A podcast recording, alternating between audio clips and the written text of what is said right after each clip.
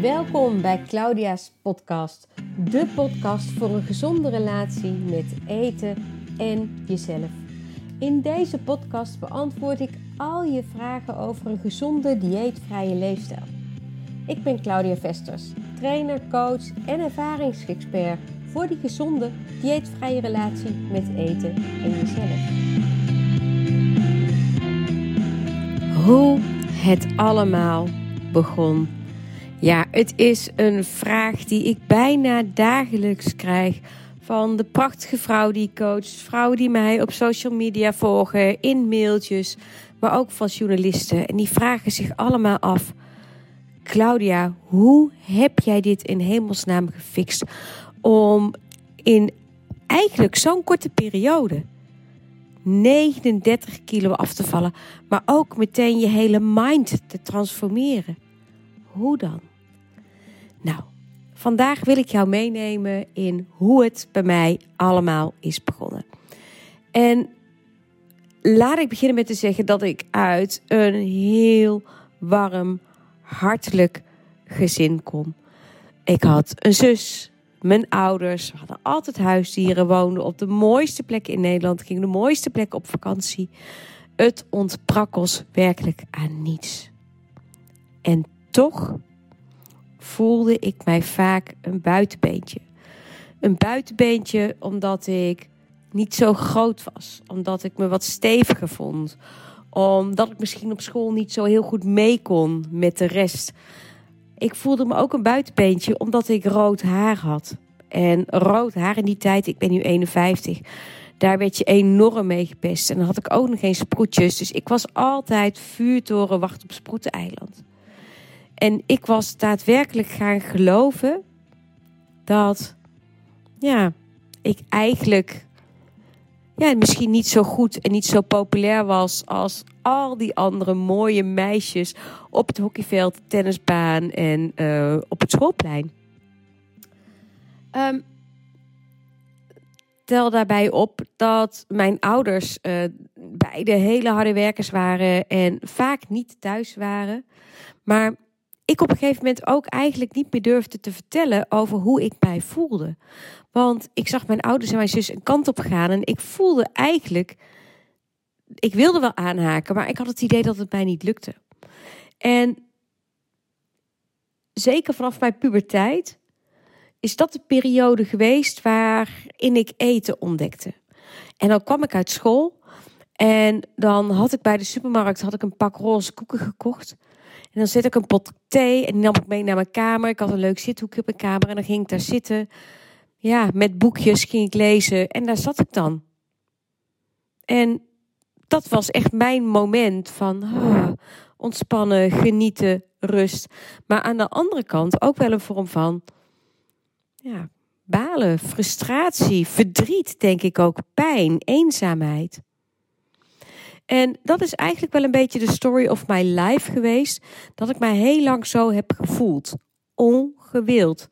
Lag niet aan mijn ouders. Het lag echt niet aan al die anderen. Het was mijn eigen persoonlijke gevoel. Maar, let op, dat realiseerde ik mij natuurlijk ook niet. Hè. Dit is wat ik nu weet. Toen niet. Maar dit is wel wat eigenlijk uh, mijn leven is gaan beheersen.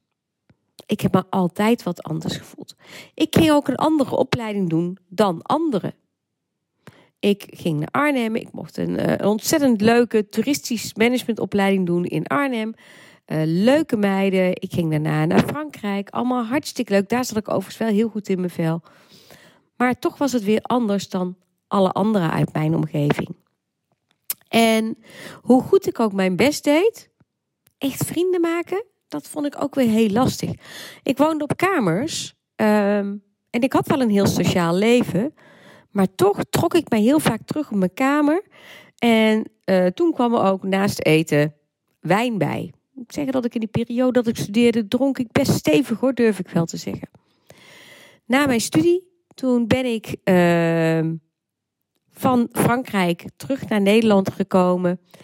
En ben ik bij mijn vader gaan werken en heb ik daar de kans gekregen om een fantastisch spaarverzekeringsbedrijf op te bouwen. Mijn vader geloofde op alle fronten in mij. Maar ik geloofde niet in mezelf. En werkelijk waar, op het punt dat wij, nou ja, echt aan de top stonden in de markt van de spaarverzekering in Nederland, sloeg mijn onzekerheid weer toe. Wie was ik?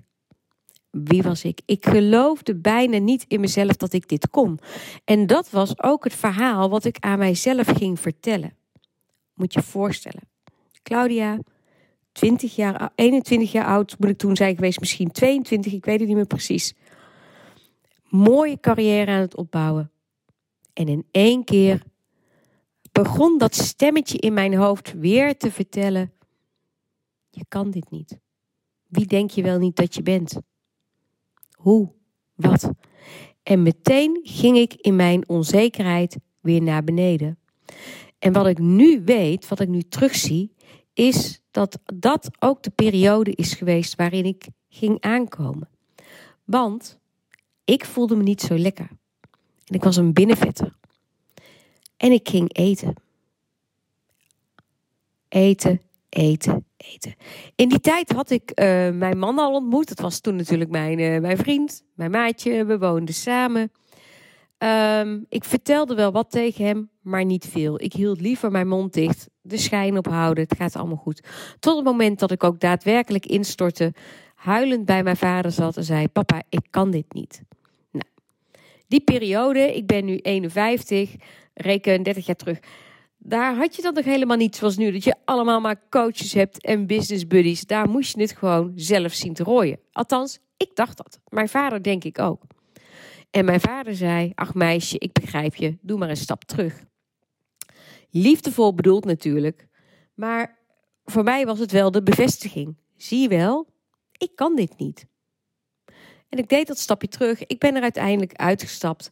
En dat leek voor de buitenwereld, die zeiden allemaal: Goh, Claudia, wat knap dat je dit kan voor jezelf opkomen. Maar ik voelde dit niet zo. Ik voelde dit als falen, teleurstelling. En dat hele gevoel nam ik mee.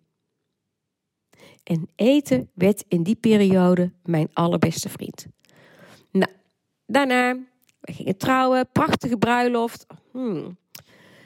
Ja, het liefste had ik een bepaald soort trouwjurk willen hebben. Maar goed, met mijn figuur werd afgeraden om dat te doen. Um, dus ik kocht een andere hele mooie trouwjurk. En ja, ik zag er als een plaatje uit. Maar toen ik de foto's terugkeek, toen dacht ik... Oh my god, wat zie ik eruit. Alles, alles was in mijn hoofd negatief. En dat had er waarschijnlijk ook mee te maken met dat ik altijd het beeld had...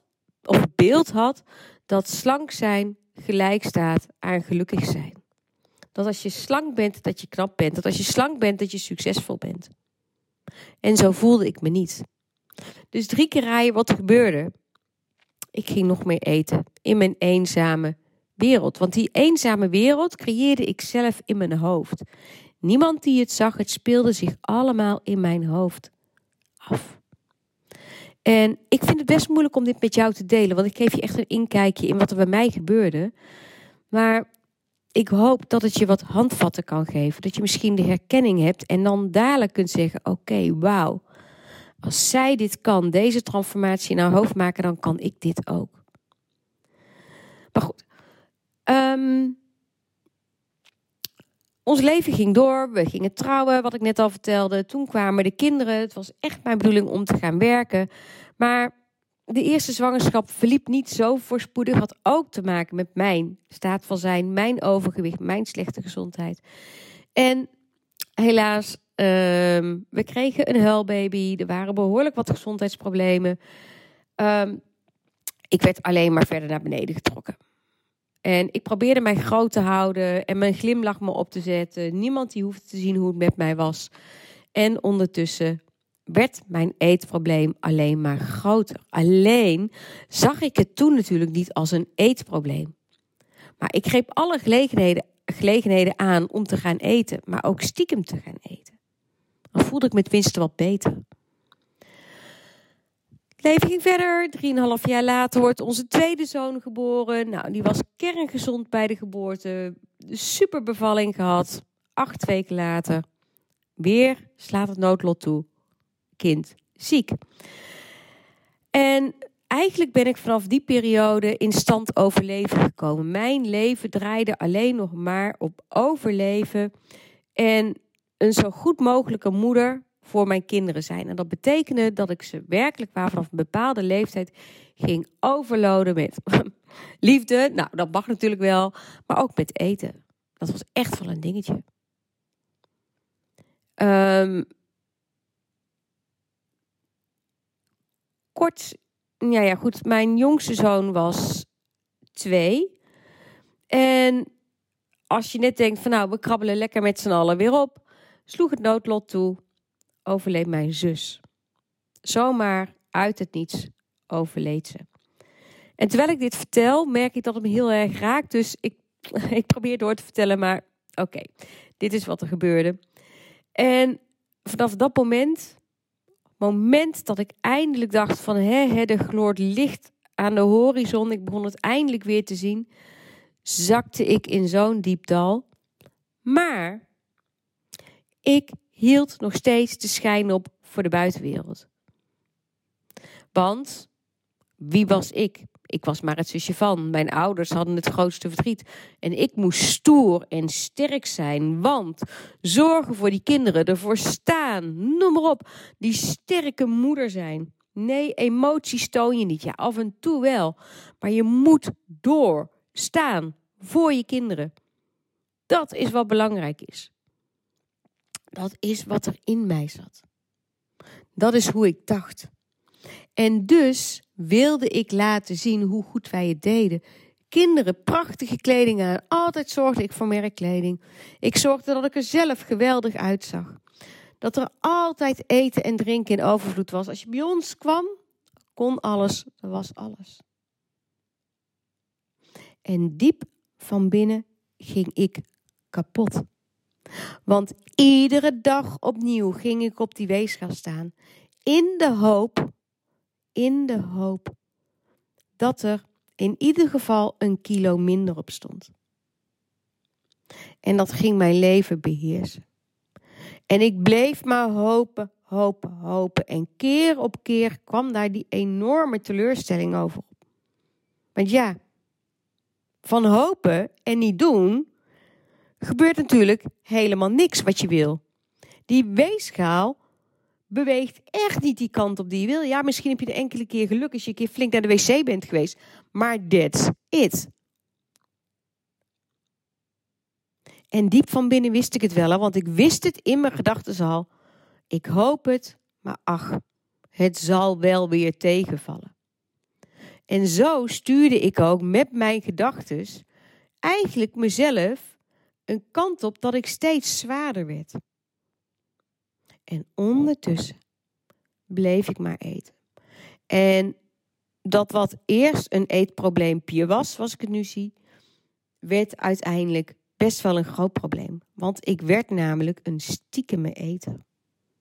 Het waren echt niet mijn kinderen hoor, die in een week drie zakjes Haribo snoepjes uh, opaten of van die schatkistjes of iets anders. En dan nog de koekjes. Nee, tuurlijk niet. Dat was ik. Ik deed dat. Ik was verantwoordelijk voor dat het grotendeel opging. Want tegen de kinderen zei ik dan, nou pak maar in ieder handje een snoepje. Ah, mochten ze misschien nog wel een keer, oh je hebt lief gespeeld nog. Maar in die tussentijd was ik degene die er het meeste had. En dit met je delen, ik moet er nu een beetje om lachen, maar eigenlijk heb ik het schaamrood op mijn kaken staan. En maar mopperen dat er zoveel snoep erheen ging. En maar mopperen dat. Ja. Altijd ook dat vingertje naar een andere wijze. En vooral niet naar mezelf. Nee, want ik kan er nu eenmaal niks aan doen. Ik heb nou eenmaal zware botten. Ik ben nou eenmaal stevig gebouwd. Ach, ik kom alleen maar aan van de wind. Nee hoor, als ik al een glas water drink, dan hou ik vocht vast. Doe mij maar geen spaarrood, want daar hou ik vocht van vast. Ik kan nu eenmaal niet. Ik heb nu eenmaal de pech. En dit was de manier waarop ik met mezelf aan het praten was. Herken je hem? Ja, nou, dit hele verhaal heeft uiteindelijk nog tien jaar geduurd. En in de zomer van 2012, ehm, toen voelde ik me eigenlijk al op een dieptepunt. Ik voelde me al zo ongelukkig met mezelf. En dat komt omdat in die vakantie, in de meivakantie van dat jaar, waren de foto's van mij gemaakt. En ik vond ze verschrikkelijk. En dat terwijl ik in het moment zelf me helemaal fantastisch voelde. En het was net als daar in die meivakantie een knopje om is gezet. Dat ik heel langzaam een andere kant op ging denken. Maar ik kon het niet doorzetten. Want op dat moment gebeurde er iets waardoor ik in een andere rol moest stappen. Dat was namelijk een moment dat uh, mijn moeder was al zwaar geestelijk ziek. Die zat al echt heel lang, al een aantal maanden, op de paasafdeling in het ziekenhuis. Um, maar dit was het moment dat mijn vader werd getroffen door een herseninfarct. En op dat moment kwam er een soort van kracht in mij los. Dat ik in één keer niet meer hoefde te eten, hoe rot ik me ook voelde. Maar ik zo'n focus had om er voor mijn ouders te gaan staan, dat eten toen al geen issue meer was. Dat vond ik heel opmerkelijk. Wat ik nu weet, wel van mezelf, en dat wil ik wel even aanstippen, is dat als dit niet was gebeurd, ik denk ik al na die meivakantie, uh, want dit gebeurde allemaal heel snel op elkaar, uh, was begonnen met het veranderen van mijn leefstijl. Maar goed, um, wat er gebeurde is geen excuus, dit overkwam me. En je kunt gewoon niet alles tegelijkertijd. Maar dat weet ik nu ook. Maar daar gebeurde al iets. Mijn vader overleed. Um, drieënhalve maand later overleed mijn moeder. En toen heb ik mijn handen nog vol gehad aan de afwikkeling van alles wat er moest gebeuren. Best complex. Als je ouders in Spanje en in Nederland wonen en je bent maar alleen, dan best veel te doen. En in die periode, en dat is heel opvallend, dat zei mijn man later ook, was er al iets veranderd met eten. Jij hoefde niet meer te eten, ondanks dat je eigenlijk op dat moment, wat je zelf ook zegt, in je zwartste periode van je leven zat. Ik zeg dat klopt. Ik zeg, en toch voelde ik me heel goed omdat ik dit nog voor mijn ouders kon doen. Dus eten had ik niet meer nodig om me beter te voelen. Eetpatroon was niet optimaal. Ik was nog steeds uh, hartstikke ongezond en veel te zwaar. Maar ik kwam ook in die periode geen kilo meer aan. Het heeft best een tijdje geduurd, deze periode. Want ik wil een bruggetje maken naar oktober 2013. En een paar dagen voordat ik mijn besluit nam. Het besluit wat ik dadelijk met je ga delen. Um, kreeg ik het bericht dat alles definitief was afgerond, ook in Spanje. En we konden allemaal opgelucht ademhalen. het is gelukt. We did it. We made it. Punt. Een paar dagen later stond ik hier thuis voor de spiegel en keek ik mezelf in mijn ogen. En toen herinnerde ik me ineens de allerlaatste woorden van mijn vader. En mijn vader die zei tegen mij: Claudia, doe wat je zegt, dan lieg je niet. En ik zei: Ja, papa, dat doe ik. En dat heb ik gedaan. Want ik heb me gehouden aan moord. Ik had beloofd, ik zorg voor mama, ik zorg voor Job en Eva, de kinderen van mijn zus. Ik zorg voor mijn eigen kinderen. Ik zorg, ik zorg, ik zorg voor de hond, ik zorg voor de huis, ik zorg voor alles. No worries, ik doe dit. I did it. Ik nam een besluit. Ik zei volmondig ja. En niet lukken was geen optie. Want ik had het aan mijn vader beloofd. Niet lukken is geen optie. Dit gaan we voor elkaar boksen. En het stukje niet lukken, dit is geen optie, is ook een belangrijk onderdeel in mijn Vrouw en Balans programma. Want wat ik net al vertelde, ik zat eerst ook altijd in de fase van ik wil wel en ik hoop, maar het gebeurde niet. Want willen en hopen brengen je nergens. Er komt pas een reactie als je in actie komt. Dan komt het verschil. Dus toen mijn vader dit zei, kwam ik in actie en deed ik wat ik moest doen. Ja, daar heb ik nog wel anderhalf jaar keihard voor moeten werken. Maar oktober 2013, begin oktober 2013, kreeg ik groen licht. I did it. Ik heb voor elkaar gekregen wat ik jou heb beloofd.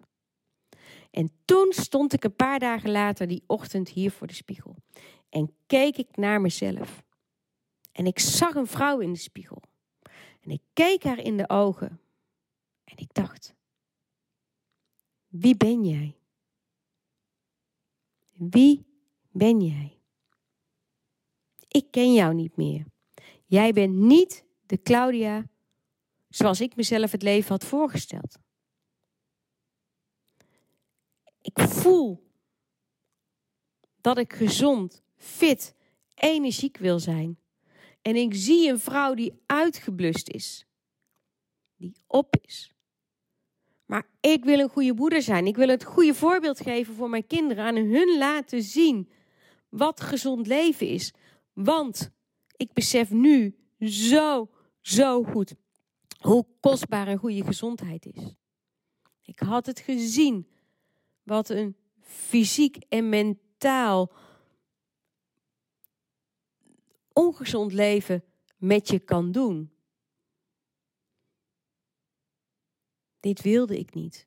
Ik wilde wel die leuke moeder zijn voor mijn kinderen, maar dan echt leuk. Niet vanuit, oh wat is ze lief, wat verwensen ze, maar gewoon omdat je leuke dingen met ze kan doen. En dat kon ik niet meer, daar voelde ik me toe gehinderd. Ik kon dat niet doen op de manier zoals ik het voor mij zag. En toen kwam het grote verschil. Want die zin van mijn vader, doe wat je zegt, dan lieg je niet, die kwam in één keer binnen in mijn hoofd. Doe wat je zegt, dan lieg je niet. En niet lukken is geen optie. Dat wist ik. Dit is waar mijn fysieke transformatie begon. Mijn mentale transformatie begon toen ik het verschil ontdekte tussen willen, hopen en niet lukken is geen optie. Doe wat je zegt, dan lieg niet. Dan lieg je niet. En daar, daar, lief mooi mens, daar zit ook de sleutel van die transformatie die ik heb gemaakt. Waarom is het mij gelukt? Dat komt omdat ik dit ben blijven zeggen. Maar ik had ook een waanzinnige motivatie. En mijn motivatie was: als ik ervoor zorg dat ik die gezonde, fitte, energieke, bruisende moeder ben, dan ben ik voor mijn kinderen het grote voorbeeld. En zo ging het verder. Dan ben ik een veel leukere echtgenote. Dan ben ik een veel leukere vriendin. Dan, dan, dan. En zo ging het verder. Dus ik deed dit wel uit zelfliefde voor mezelf, want ik wilde van dat enorme eetprobleem af. Maar ook van die enorme kilo's en die zorgen over mijn gezondheid, want daar maakte ik me echt wel zorgen over. Maar het waren ook mijn kinderen die ik gebruikte als bron van inspiratie. Want ik had verrekte goed door dat ik niet zo'n goed voorbeeld was. En ik herinnerde me ook het voorbeeld wat ik van mijn ouders had gezien. En mijn ouders waren schatten, daar begon ik ook mee. Maar als het over eten en drinken ging, over goed voor jezelf zorgen, fysiek en mentaal, dan was het anders. En mijn ouders leefden in, in welvaart en toch ook deels in emotionele armoede. Zo zie ik het. En dat was wat ik niet wilde. Ik zag het anders. En ik ben dat principe niet lukken is geen optie in gaan zetten. Dit is wat ik wil. En wat ik daarna ben gaan doen, is. En dat is echt wat je ook leert in mijn driedelige training. Wat je leert als, als ik je coach. Ik ben begonnen met terug te gaan naar drie maaltijden per dag. Langzaam meer te gaan bewegen en zo stap voor stap doorgaan. Dat is wat mensen zagen dat ik deed. Maar die mentale verandering, die zie je niet. In mijn mentale verandering was niet lukken is geen optie zo belangrijk geworden dat ik me alleen nog maar ging focussen op wat wil ik wel. Wat wil ik wel? En nu komt iets heel moois, want ik wilde niet meer de hele dag met eten bezig zijn. Dat wilde ik niet meer. En toch deed ik het. Ik was de hele dag bezig met eten. Maar het grote verschil was, ik deed het op een andere manier. Ik deed het niet meer vanuit dat stiekem eten, eten om je beter te voelen, dat soort dingen. Nee, ik ging anders naar eten kijken. Ik ging het plannen. Ik ging ochtends bedenken wat gaan we vanavond eten en daar ging ik voor zorgen. En als ik ging ontbijten, ging ik even met mezelf afstemmen. Wat ga ik ontbijten? Want hoe wil ik mij voelen en welk resultaat wil ik op de weegschaal zien? Wil ik zien vanuit niet lukken is geen optie. Dus hier ga ik alles voor doen. En het mooie is, ik zag dat verschil ook op de weegschaal. Week na week na week. Want ik was weggestapt van het hopen en willen. Maar ik was in de modus van niet lukken is geen optie gestapt. Dit is wat ik ga doen. En hier, hier word ik echt gelukkig van. En niet dat ik zo gelukkig zou worden van dat gewicht, maar wel gelukkig van hetgeen het mij op zou leveren. En daar heb je dan zo'n punt um, waarvan ik weet, dit is waarom bij mij die transformatie eigenlijk vrij vlotjes en nou, redelijk probleemloos is verlopen.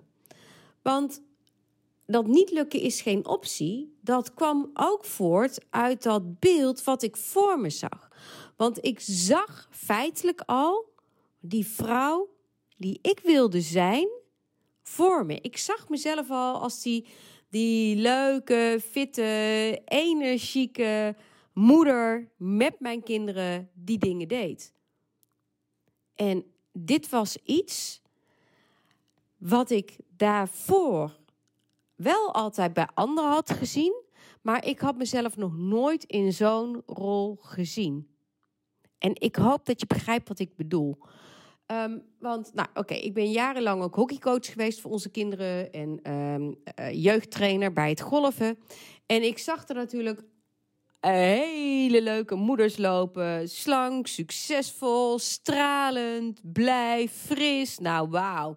Echt van die vrouwen. En ik, oh, wauw. Er ging zo'n steek van jaloezie door mijn hart heen. En als ik dan zag wat zij met die kinderen deden, dan denk ik: oh, wauw, wauw, wauw, wil ik ook. En dan ging ik het wel doen, maar ik kon het natuurlijk nooit zo lang volhouden. En dan stapte ik keer op keer in mijn och arme ikrol. Ach, arme ik, ja, maar. En die teleurstelling ging ik wegeten. Toen ik dat besluit nam, niet lukken is geen optie meer. Toen zag ik mezelf voor de allereerste keer ook als zo'n vrouw. Dat was wat ik wilde bereiken. En dat samen met die gedachte. Doe wat je zegt, dan lieg je niet. Niet lukken is geen optie. Maar vooral ook het gebruiken, de motivatie van mijn kinderen gebruiken. Dat ik de spiegel wilde zijn voor mijn kinderen. Laten zien wat wel het gezonde, fitte leven is. En dat je alles in je leven kunt waarmaken waar je maar van wil dromen. Dat was eigenlijk mijn grote drijfkracht. Wetende, ik wil gewoon gezond oud worden. Ik wil als mijn kinderen later groot zijn. Um, en, en, en dan komen kleinkinderen, dan wil ik gewoon. Dat zie ik anders voor me dan zoals het nu is. Dan de vrouw die ik nu ben. En nee, ik wil dit niet doen met diëten. Ik wil dit doen ook met normaal te eten. Want ik zie me ook gezellig zitten aan tafels met eten. Zoals ik die slanke vrouwen zie doen. Niet lukken is geen optie. Wat heb ik gedaan nadat ik mijn besluit nam? Toen ben ik natuurlijk gaan kijken naar mijn eetpatroon. Daar heb ik net al iets over verteld en dat heb ik aangepast. Maar ik ben mij ook gaan richten op van... hey, die vrouw die ik wil zijn, wat doet die dan? Ik ben haar als het ware gaan modelleren.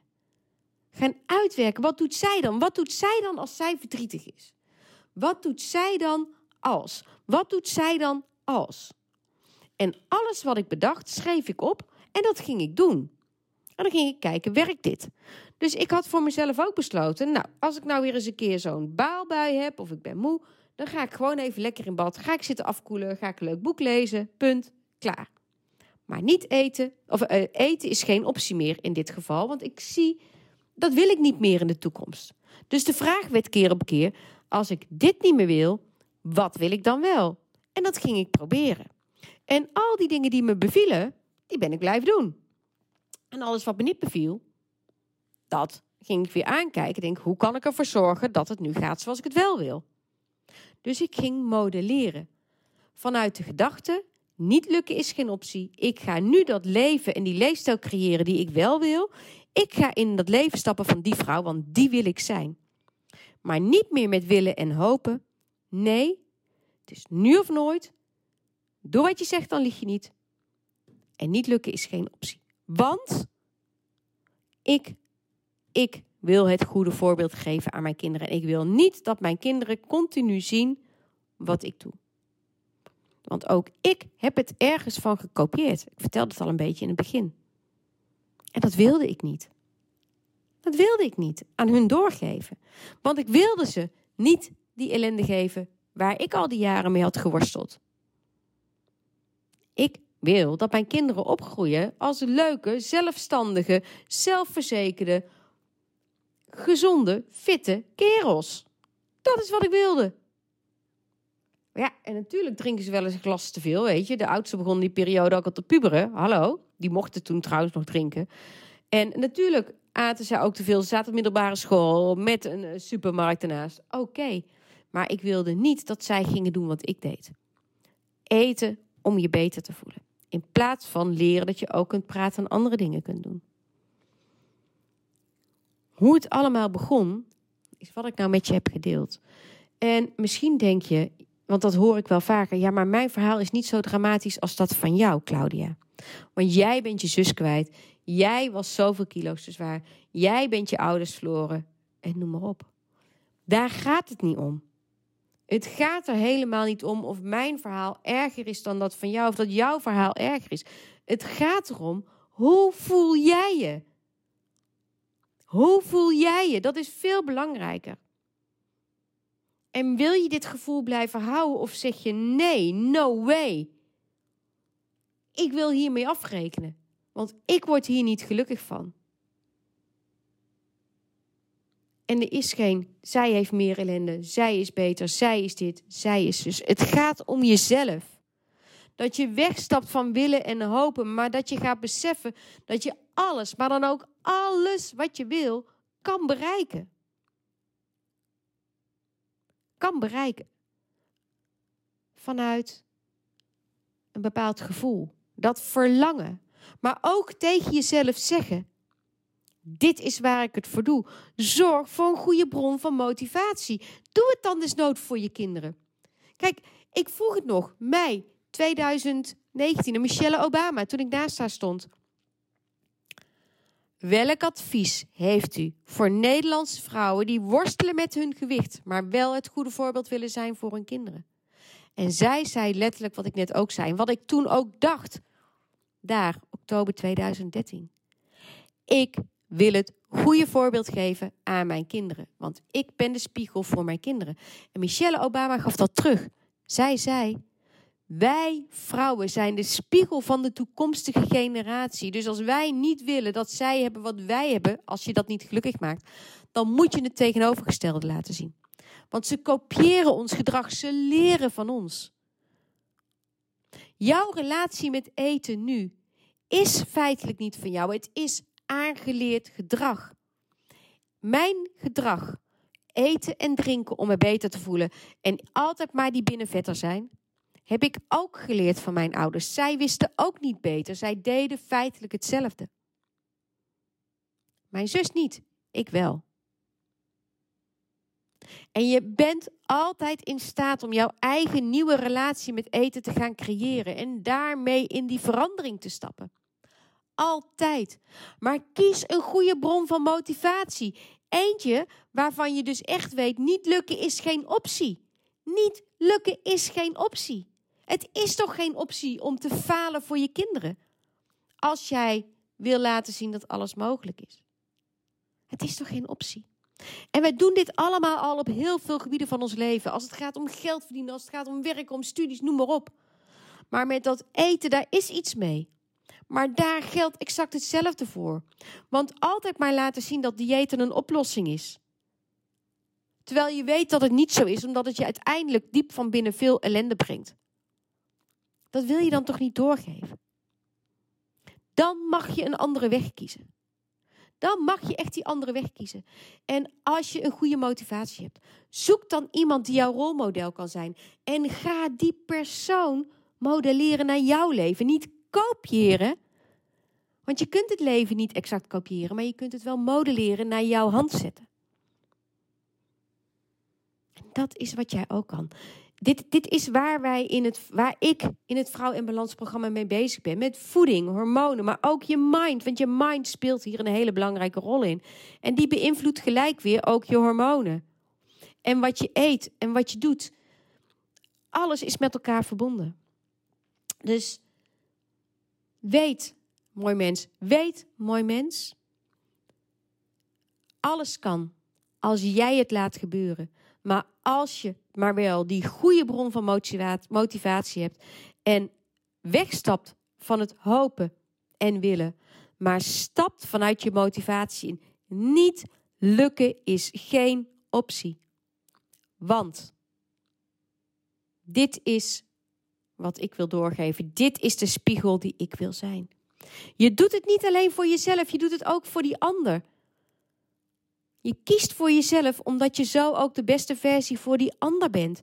En er op een andere manier voor een ander kan zijn. En hoe tof is dat? Hoe tof is dat? Jeetje. Hoe het begon. Dit is echt hoe het bij mij is begonnen. En uiteindelijk, ik ben ergens oktober 2013 begonnen. Ik heb in de zomer van 2014 heb ik mijn uh, juli 2014 mijn ideale gewicht bereikt. Was ik die 39 kilo kwijt. En het was als een soort vliegwiel die langzaam op gang kwam. In het begin ging het echt met een halve kilo per week. En op een gegeven moment was het net alsof dat er iets werd aangezet. En ging het allemaal wat sneller. Het kwam meer in een stroomversnelling terecht. Dus word daar ook niet hopeloos van. Ga door. Geef nooit op.